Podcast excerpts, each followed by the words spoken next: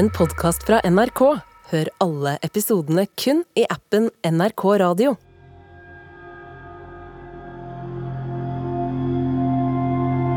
Jeg kan se for meg at de ikke trodde på det til å begynne med. Men det er jo utenkelig.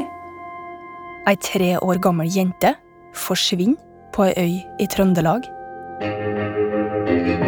Rundt 100 personer leter i flere timer. Så blir hun funnet på ei fjellhylle langt unna. Men de visste ikke om hun var i live eller om hun var død. Hvordan har hun havna der? Over 90 år etterpå er folk fortsatt uenige. Når jeg begynner å diskutere, så kjenner jeg at det blir litt org inni meg. Ja, jeg, jeg, ja, jeg tenker på det, mange hvorfor eh, at de ikke trodde på det hun sa. Det her er mysteriet om ørnerovet. Jeg heter Kristi Hol. Reporter er Hanne Bernhardsen Nordvåg.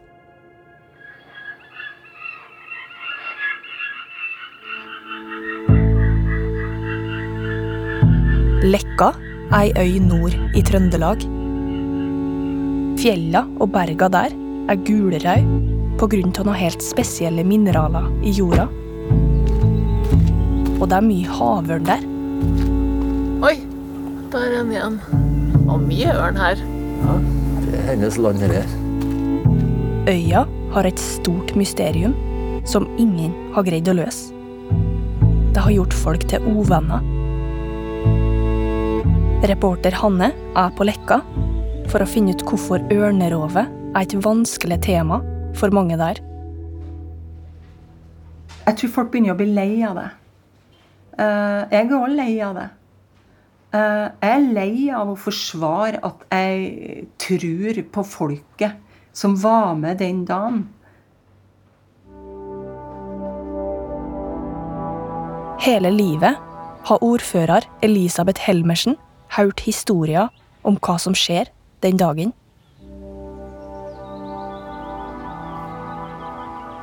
Det er 5. juni, og året er 1932. Det er dåpsdag på Lekka. Familien Hansen har akkurat døpt den yngste sønnen sin i kirka. Og eh, se for dere at det var en fantastisk nydelig dag. Det var den eh, første sommerdagen det året. Det er ettermiddag. De voksne er inne og hviler. Ungene er ute og leker. Svanhild er tre år og åtte måneder gammel. Hun sitter for seg sjøl på bakken utafor huset. Eh, håret hadde hun kløpt sånn ca. ved ørene. Rett av. Nydelig lita jente med hårsløyfe og, og en uh, rutete kjole. En nydelig kjole. Hun er lita og lett i kroppen. De andre ungene springer fra henne. I noen minutter er det ingen som følger med på henne. Og i de minuttene er det ingen som vet nøyaktig hva som skjer. Men det vi vet, er at Svanhild forsvinner. Når foreldra kommer ut, er det ingen der. Det leites i busker, det leites i kratt, det ropes. Og jo lengre tid det går, jo større blir fortvilelsen over å ikke finne hos Svanhild. Foreldra er kjemperedde. Dattera deres er borte. Hva har skjedd? Har hun kanskje gått seg vill? De trenger hjelp. Det ringes rundt på øya. Alle stiller opp. I kirka øver mannskoret. De ble òg henta. For her var det om å gjøre å få mest mulig folk ut og leite. Rundt 100 personer saumfarer øya systematisk. De ser ved sjøen og ved bekka. Vannet er kaldt. Det går mange timer, men ingen finner henne. alle frykter det samme. Kanskje ligger Svanhild en plass nå og har det vondt. Så er det noen som kommer på det at eh, de har sett ørna flyg over eh, gårdsplassene ut i Kvaløya i noen dager. Hun er veldig lavt. En ubehagelig følelse sprer seg på øya. Jeg ser for meg at det måtte gå ganske lang tid før noen faktisk tok under på den tanken og tenkte at ja, kan det være en mulighet? Det er jo utenkelig. Kan Svanhild ha blitt tatt av ørna? Den som har vært så nedgående på folk i det siste? Hva har den i så fall gjort med henne? Til slutt så er det tre staute karer som bestemmer seg for at vel, vi går mot Hagafjellet. Vi gjør det. For de visste at i Hagafjellet hadde ørna reiret sitt. Klokka har passert ti på kvelden. Det er rundt fem timer siden Svanhild forsvant. De tre karene begynner å gange opp det bratte fjellet. En av de tre heter Leif Andersen. Han forteller historien sin i et NRK-program noen år senere. Jeg vet ikke, vi tenkte nå i hvert fall å gå og leite og leite opp og opp. Nede i bygda prøver folket å fokusere på det lille håpet de har hatt om at Svanhild fortsatt lever. De tre mennene er i god form, men de sliter med å komme seg oppover fjellsida. Tråkker en fel, kan en utløse stenras det blir funnet en liten barnesko. De fortsetter. Men eh, når vi kom noe lenger opp, så så vi jo det at det var umulig å komme opp til reiret. For det var noen 20 meter lenger opp der dit vi kom.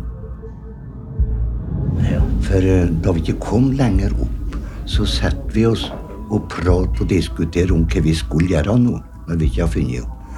Og da ble vi enige om det at vi, vi skulle gå helt oppå fløyet, om hun skulle ha satt henne ned der. Men da måtte vi gå nedover igjen et stykke, og så lenger vest. Ja. Over for å komme opp i slott, for å komme opp dit på fløyet. De kommer seg ikke opp til ørnereiret. Og det begynner å bli sent, og det er kaldt. Og da vi satt og snakka om det, så sa han Jentoft jeg skal nå kikke bortom den knotten her, sa han, før vi går ned. Han peker på ei fjellhylle litt bortafor og over der de sitter. En av dem klatrer opp på skuldrene til en annen en, for å få til å se over kanten. Han karrer seg opp. Der ser han at det ligger ei jente. Hun er død, sier han til de to andre. Mannen kommer seg bort til den lille kroppen. Det er et bjørketre der, og jenta ligger med ansiktet vendt mot stammen. Hun har bare ei sko. Ned på gårdsplassene i Kvaløya eh, så leita jo folk fremdeles og var fryktelig redd. Og angsten og redselen må jo ha krøpet opp ryggmargen på alle som var til stede, og særlig på Haldor og Astrid. Haldor og Astrid er foreldra til Svanhild. De får beskjed om at hun er funnet. Men de får ikke vite om hun er død, eller om hun lever. Opp ved Hagafjellet har Leif og de to andre tatt Svanhild med seg og begynt ferden nedover fjellsida igjen. Den er enda mer kronglete. Omsider kommer de ned på gardsplassen. Med jenta i armene. Han Haldor går ned på kne og retter ut hendene sine for å ta imot hos Svanhild, som han på det tidspunktet tror er død. Og da er det en av dem som var med på lete, som sier hun er ikke død, Haldor. Og Svanhild lever. Han tar henne inntil seg, og så sier han følgende ord. Du, mitt dyrebare barn.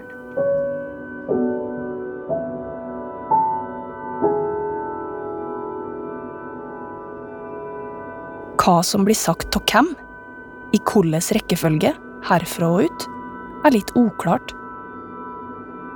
Det fins flere versjoner av historien. Min Svanhild sier ei setning som skal få stor betydning. Stormåsen tok meg. Vi vet ikke om Svanhild sier det her av seg sjøl, eller om hun blir spurt av noen voksne. Ei stor måse. Alle rundt henne tolker det som at det er havørna hun taler om, som er det mange har mistenkt.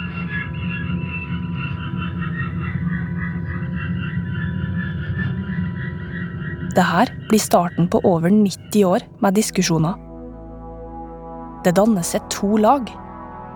Dem som tror at Svanhild ble frakta opp til Hagafjellet av ørna, og dem som tror at noe sånt er helt umulig, og at hun må ha kommet seg opp dit på en annen måte.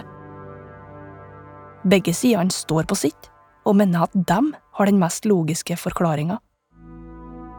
Hvem har rett? Vi begynner med ørneteorien. Altså, jeg ser ingen annen forklaring. Jeg ser ikke Jeg ser ingen annen forklaring. Bjørn Sigurd Larsen er forfatter og journalist. Han er innflytter på Leka. Du har jo med deg han Odin her, en liten eh, chihuahua. Ja. Du er ikke redd for at han skal bli tatt av ørna? Nei, jeg er ikke redd for at han skal bli tatt av ørna, for han tror han er større enn ørna. Han er så oppslukt i ørnerovet at han har skrevet et spel om det. Historien om ørnerovet fortjener evigheten. Så kan folk gå rundt og være så skråsikre de bare vil for meg. Men eh, for meg er ørnerovet et under. Jeg fatter ikke at, at det kan ha skjedd. Men det må ha skjedd. Han er helt sikker på at ørna tar Svanhild og flyr henne opp til fjellet. Havørna er den største rovfuglen i Norge. Vengspennet kan bli opptil 2,5 meter. Den fanger vanligvis fisk og små sjøfugler. Så hvorfor er Bjørn Sigurd Larsen og mange andre på Leka så skråsikker på at ørna tok et lite menneske? For å skjønne det må vi se nærmere på hva som skjer med Svanhild etter at hun kommer ned fra fjellet. Hva var det som gjorde at de mistenkte ørna? Fordi at den ørna der har vært nærgående. Treåringen sier ikke så mye. Hun kommer ikke i haug noen ting fra sjølve flyturen. Og det er viktig å merke seg. Det hun kommer i haug, er at hun plutselig er oppå fjellhylla. Hun sier at hun kaster sten mot ørna når hun er oppå der. Og eh, de tar henne inn. Do, eh, Doktor Fossum blir henta. Svanhild blir undersøkt. Hun har på seg et tjukt ullskjeff som er lagt i kryss over brøstet og bundet sammen bakpå ryggen med to sterke knuter. Dette skjeffet har to runde høl på framsida, og den rutete kjolen hun har på under, har en stor rift nedover brystpartiet. Hun har angivelig et sår på brøstet. Ellers er hun uskadd. Hun blir vegd. 19 kilo, skriver doktoren ned, og legger merke til akkurat det tallet. 19. Til senere. Eh, hvis man først aksepterer at det ble funnet på denne hylla, da er det ikke mange alternativer. Fordi at jeg syns det er et enda større under hvis han skulle ha klart på tre år å ha, ha liksom terrengintelligens til å kunne ikke tryne i myrene. Og, altså, det er for meg et enda større under. Nyheten om jenta som skal ha blitt fanga av ørn, sprer seg over hele landet. Mange tviler. Er det i det hele tatt fysisk mulig? Aftenposten sender opp en zoolog for å gjøre undersøkelser. Han går opp til fjellhylla der Svanhild ble funnet. Han prater med folk som var involvert den dagen. Han gjør noen beregninger og skriver en rapport. Den står på trykk i Aftenposten i august i 1932. Enkelte har trodd at en lille pike av ren eventyrlyst skulle ha vandret opp i fjellet på egen hånd. Det anser jeg for utelukket. fordi et så lite barn umulig kunne ha kommet opp den store uren nedenfor, som jeg selv brukte en halv time på å gå opp. Han tror at ørna tar tak i brystpartiet til jenta, og at hun har ansiktet vendt oppover under turen. Han har òg fått høre av lekkværingene at ørna har tatt tyngre ting i 19 kilo tidligere. Et sauekadaver. Men det er lenge siden. Konklusjonen blir Svanhild ble tatt av ørn. Hvordan det har skjedd? Nei, jeg, jeg kan ikke forklare det. Men, men samtidig er det like ufattelig for meg som det også var for professoren, å forstå at hun kan ha gått opp sjøl.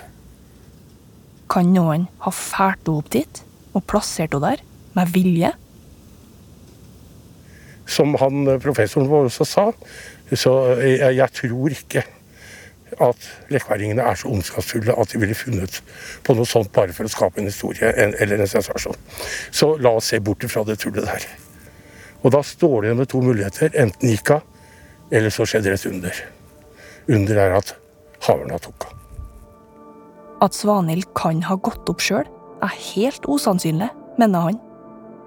Ordføreren, Elisabeth Helmersen, er enig. Så kan man jo se for seg da at en eh, og, litt over tre år gammel jente går ifra det trygge gårdstunet og så mister en sko på tur opp Hagafjellet. Så hun går med én sko og den andre eh, uten sko. Og tar fatt på en strabasiøs klatretur i Hagafjellet tre og et halvt år gammel. Tru det den som kan. Det tror ikke du, nei. Det tror jeg, nei. I over 90 år har folket på Lekka stått mer eller mindre samla om ørneteorien. Men det er noen som mener at det bare er tull. At ørnerovet aldri kan ha skjedd. Vi har kommet ganske høyt opp nå, da. Å ja, vi har Tror det er over 100 høydemeter. Ja, det tror jeg nok. En av dem er veterinæren Steinar Garstad. Ja, ja. Nå går han opp til Hagafjellet, der Svanhild blir funnet, sammen med reporter Hanne. Nei, men hva du, Hvorfor mener du at ikke ørna kan ha tatt henne, da? Nei, fordi at eh, hun er ikke i stand til det. Så enkelt er det. Det fins ikke noen sjanse for det.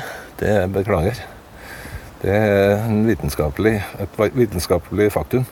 Han sier at 19 kilo, som Svanhild skal ha veid, er altfor tungt for ei havørn. Så, eh, nei, så vi har jo veldig mange forsøk på å få dokumentert maksimum vektig på hva, hva ørn kan ferde med, og da ligger den mellom 3 og 4 kilo. Han tenker tilbake på 5. juni i 1932. Han tror at noen gjør noe feil den dagen. I kaoset som oppstår da Svanhild kommer ned fra fjellet, Her på Lekka så var det jo de folkene som egentlig skulle registrere hendelsen, da, både lensmann og prest og lege. Jeg hadde jo ikke noen forutsetninger for oss å gå inn i dette her på en eh, kritisk måte. For det var jo bare helt fantastisk at ungen ble funnet i live etter sju timer. Så det er ikke noe rart at dette her har brent seg inn i, eh, bevisstheten til de beste.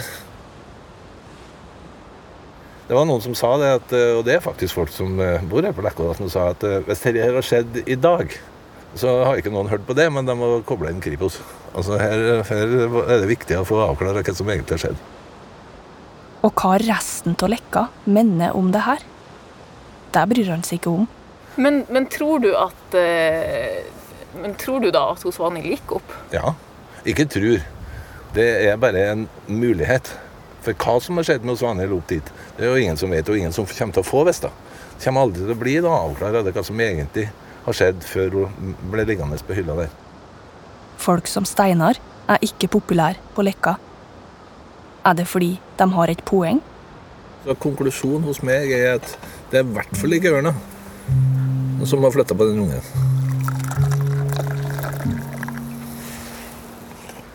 Ferdig snakka.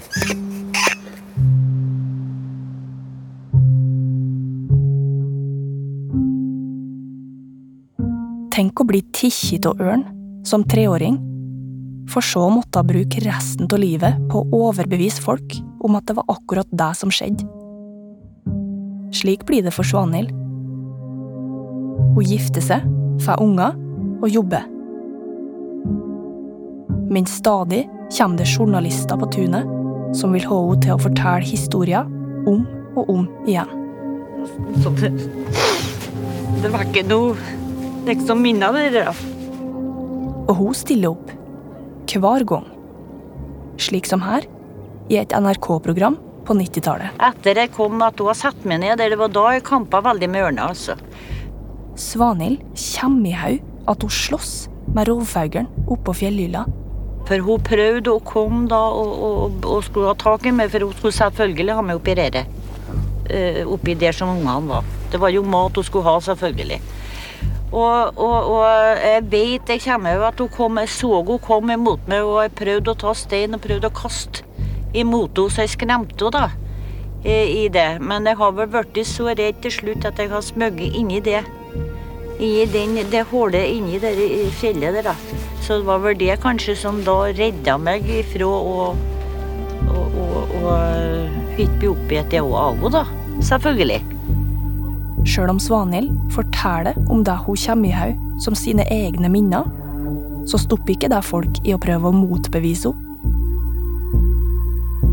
Det er tilbake i 1980 det topper seg. Det året gjør en mann et stunt som mange blir både krenka, sint og lei seg av. Hendelsen fungerer som bensin på bålet.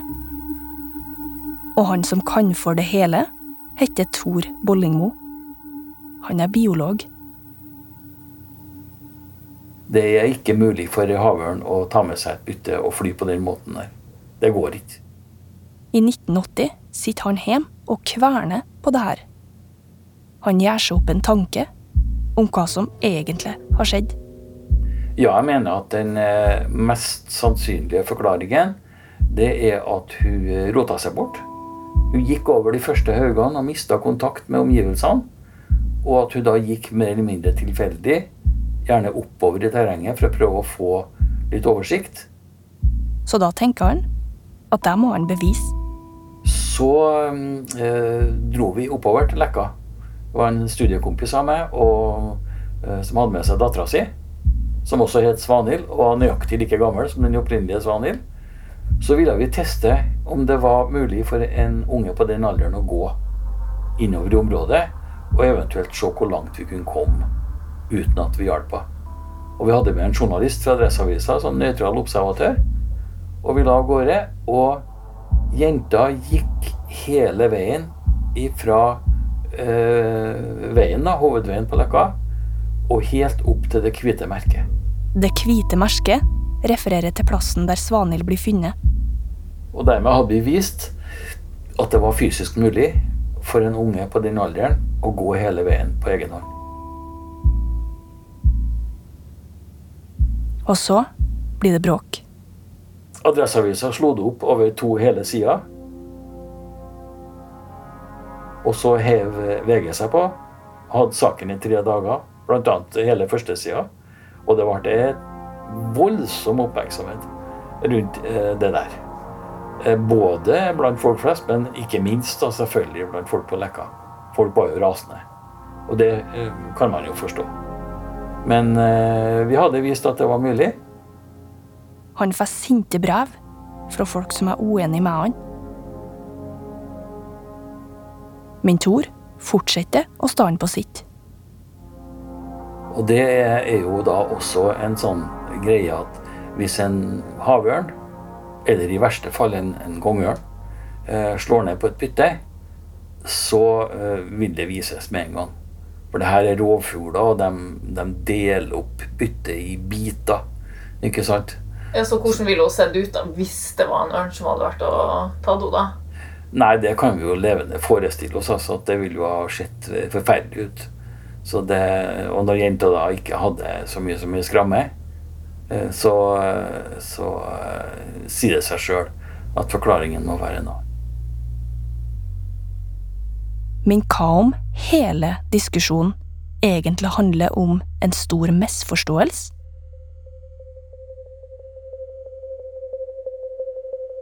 Dem som mener ørna tok henne, sier hun Omole kan ha gått så høyt opp i fjellsida sjøl og dem som mener noe annet må ha skjedd, sier at ei ørn ikke kan løfte så tungt som 19 kilo. Hva hvis hun egentlig var mye lettere? På kvelden den 5. juni i 1932, når Svanhild kommer ned fra Hagafjellet, blir hun jo sjekka av en lege. Han noterer seg at hun veier 19 kilo.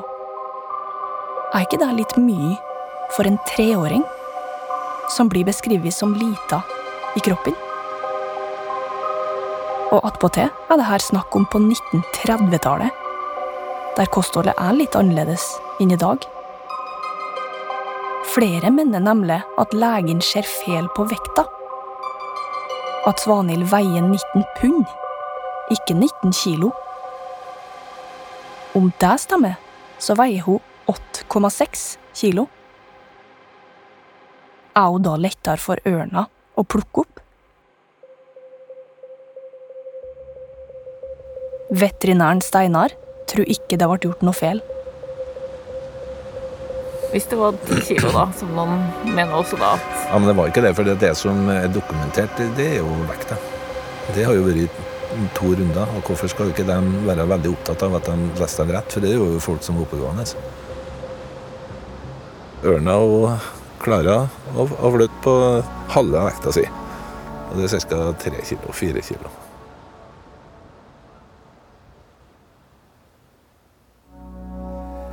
Ser jeg en ørn, eller bare noe TV-bilder av en ørn som jager, så blir jeg helt kvalm.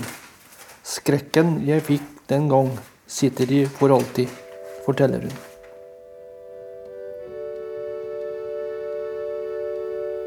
Svanhild fikk fire unger. Nå sitter tre av dem og blar gjennom gamle aviser der hun er intervjua. Der kommer det, vet du. Minnene fra hendelsen er klare. Hun husker at hun kastet småstein på ørna da den hadde sluppet henne ned. Svanhild døde i 2010. Men fortsatt må ungene hennes, Svein Egil, Wenche og Åge, forsvare ørnerovet. Argumentere for at ørna tok henne. Klart det at eh, Når jeg begynner å diskutere, så kjenner jeg at det blir litt org inni meg. Derfor så sier jeg at eh, På hennes vegne. jeg er på hennes vegne. Derfor så skuer jeg det bare fra meg, og så lar jeg bare holde på. Mm. Jeg vet hva som har skjedd, og jeg tror på det. Svanhild ble hele livet mistrodd. Og det gjorde noe med henne. Nei, men Hun var jo oppriktig lei seg, og det dro hun med seg hele livet. At ikke hun ble trudd på det, det hun, det hun huska fra den, det, når hun våkna til oppi der. Og, ikke sant? Det var jo, hun var jo lei seg for det og for hun, altså, Det er jo det hun huska. Og det, at ikke folk trodde jo på det. Men, men sånn er det. Det vil alltid være sånn at noen tror, og noen tror ikke. Og det har jo vi levd med. For de vet at Svanhild har et merke på kroppen. Som for dem er et bevis på at ørnerovet skjedde. Det var jo arr i brystet på henne. Det har hun hele livet sitt. Eh, Jeg så det sist hun lå på dødsleiet sitt på sykehuset. og så jeg det. Og da, har hun- så det har hun båret med seg hele tida. Og det var etter ørn, ørna. Og der, eh, det, det kan ikke være noe annet enn at det måtte være etter klospissen. da. Kan du beskrive hvordan det, det så ut der? Ja, det var en, en cirka en eh, ja, jeg skal, jeg skal se da, tre-fire centimeter, og så var det ganske sånn rødt. Lite strek, sånn et tynt strek sånn her i punnen. Som gikk på skrå i punnbrystet hennes. da. Og der, eh, det, det kan jo ikke være noe annet enn at det måtte være etter klospissen. da. Biologen Tor Bollingmo. Altså Folk eh, har jo utfordra meg på det der, og så går de på meg og sier at Tror du at vi lyver? Og det, det tror jeg ikke at folk lyver. Altså, løgn er på en måte en sånn bevisst uh, handling for å skape usannheter. Jeg tror ikke at folk lyver. Men folk forteller det de tror på. Og det er jo legitimt, det. Det må jo være lov til å gjøre det. De to lagene sitter på hver sin haug med hver sin fasit om hva som skjedde. Det blir ord mot ord. Kanskje skal det diskuteres til evig tid. Sjøl om ordfører Elisabeth Helmersen er lei av det. Eh, Men det har skjedd. Det har skjedd. 5. juni 1932 så skjedde det i Hagafjellet på Leka. Og jeg vet jo at fagfolket her sier at herre dette kan ikke ha skjedd fordi at det er umulig. Ok. Men det har skjedd.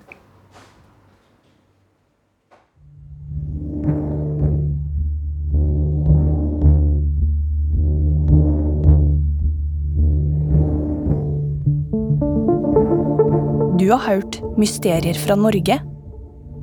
Denne episoden er logget av meg, Kristi Hol.